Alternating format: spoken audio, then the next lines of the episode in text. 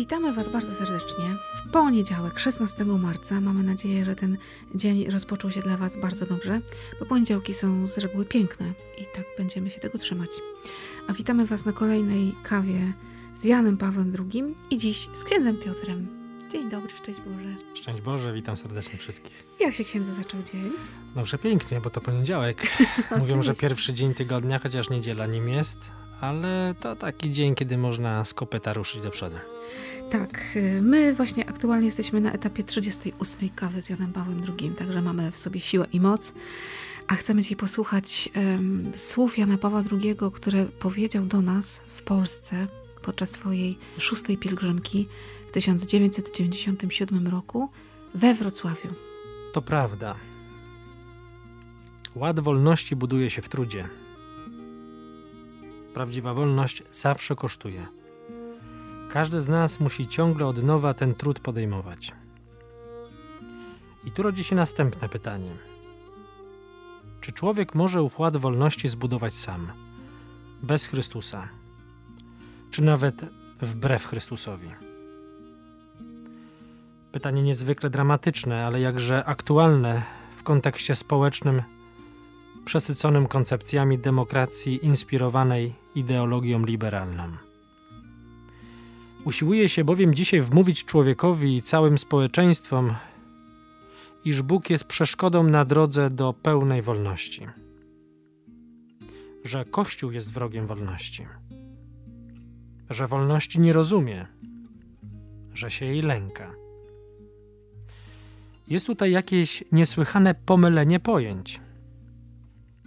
Kościół bowiem nie przestaje być w świecie głosicielem Ewangelii wolności. To jest jego misja. Ku wolności wyswobodził nas Chrystus. Dlatego chrześcijanin nie lęka się wolności. Przed wolnością nie ucieka. Podejmuje ją w sposób twórczy i odpowiedzialny, jako zadanie swojego życia. Bo wolność jest nam nie tylko przez Boga dana, ale także zadana. Ona jest naszym powołaniem. Wy zatem, bracia, pisze apostoł, powołani zostaliście do wolności. A to, że Kościół jest wrogiem wolności, jest szczególnym chyba nonsensem tu w tym kraju, na tej ziemi, wśród tego narodu, gdzie Kościół tyle razy dowiódł, że jest bardzo stróżem wolności. Jest stróżem wolności, bo Kościół wierzy, że do wolności wyzwolił nas Chrystus. Ty zostawiłeś nam dar Eucharystii, by ład wewnętrznej wolności tworzyć.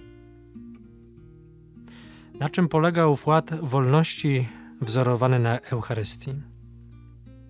W Eucharystii Chrystus jest obecny jako ten, który siebie daje w darze człowiekowi, jako ten, który służy człowiekowi umiłowawszy swoich, do końca ich umiłował.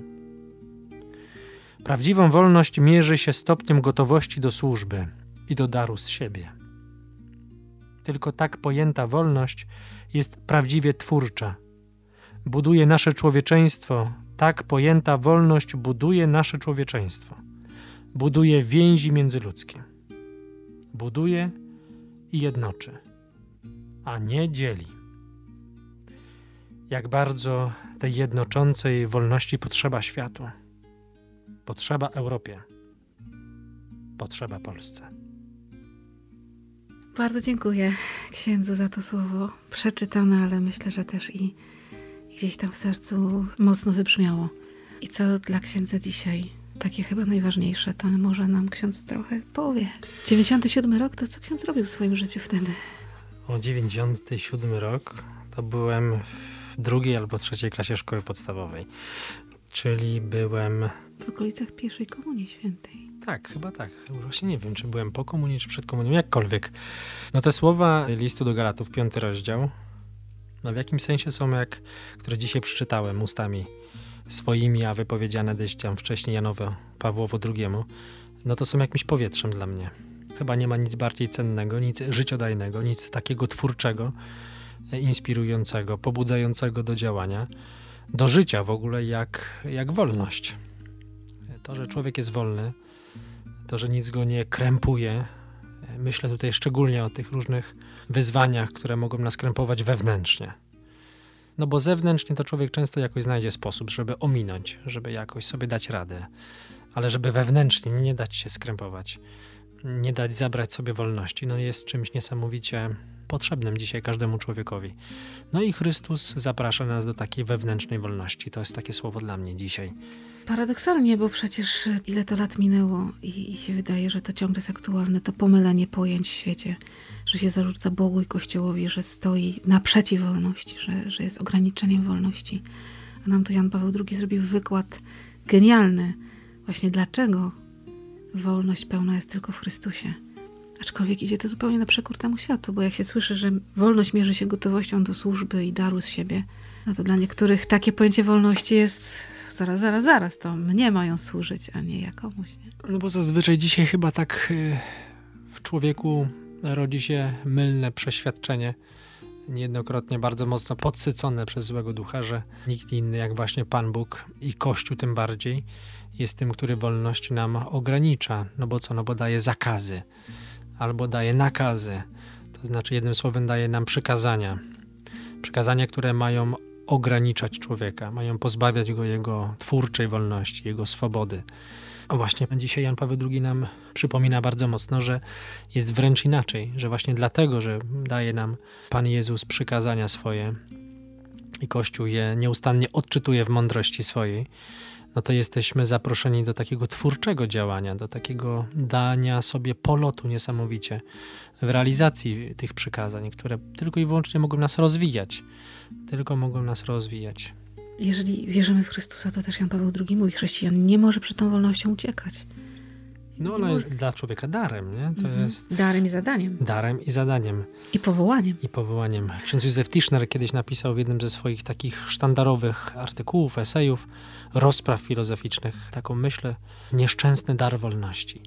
Z jednej strony pokazujący, jak bardzo człowiek jest postawiony wysoko w godności swojej, wobec Pana Boga, niejako może twarzą w twarz, oko w oko stanąć z Panem Bogiem i cieszyć się tą samą wolnością, jaką On ma. I On obdarzył nas nią, kiedy zawsze możemy Panu Bogu powiedzieć nie.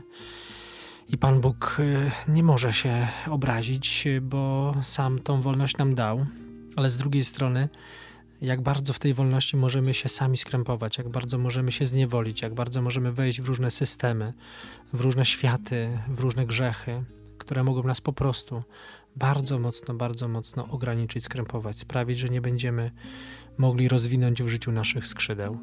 Więc z jednej strony, no właśnie, dar, niesamowity dar. Możemy być e, kimś mocnym, kimś niesamowicie rozwijającym się w Bogu, kimś twórczym, inspirującym innych. A z drugiej strony, no możemy tak się dać osidlić, jakoś złamać, że ta wolność nas po prostu przygniecie to zadanie bycia wolnym, no to jeśli ciągle nie będziemy też powracać do tego, że to jest dar od Chrystusa i że ku takiej wolności nas Bóg wyswobodził, to jest też niesamowite, że Chrystus przez mękę śmierci zmartwychwstanie uwolnił nas od zniewolenia i tak naprawdę to nie zewnętrzne rzeczy mnie zniewalają, tylko moja decyzja może mnie zniewolić, nie? Moje odejście od Boga mnie zniewoli. Choć wydaje się po ludzku, że czasami jest to najfajniejsze rozwiązanie, bo jestem niezależna. A najgorsze jest wtedy, kiedy ja sam siebie zniewolę, nie? Kiedy ja sam swoimi decyzjami, niby wolnymi, ale siebie bardzo mocno zniewolę. Nie ma chyba tak bardzo bolącej, bym powiedział, cierpiącej wolności, jak to, że człowiek sam sobie te kajdany założy. Jeśli jeszcze z zewnątrz te kajdany nam jakoś założą, no to jesteśmy w stanie Wewnętrznie żyć w wolności. Wewnętrznie żyć w wolności, ale i także jakoś tak y, no, podnieść tą gardę wysoko i powiedzieć sobie, no dobra, no problem nie jest po mojej stronie, kto inny. Ale gorzej, jeśli to, to ja sam, jeśli sobie nałożę takie sidła, które mnie zniewolą. Dlatego niech nas Chrystus nieustannie wyzwala. Czego życzymy wszystkim słuchającym, a przede sobie, wszystkim sobie nawzajem. Tak. Z takimi życzeniami was zostawiamy. I żeby to się życzenie stało faktem. Święty Janie Pawle II. Módl się za nami.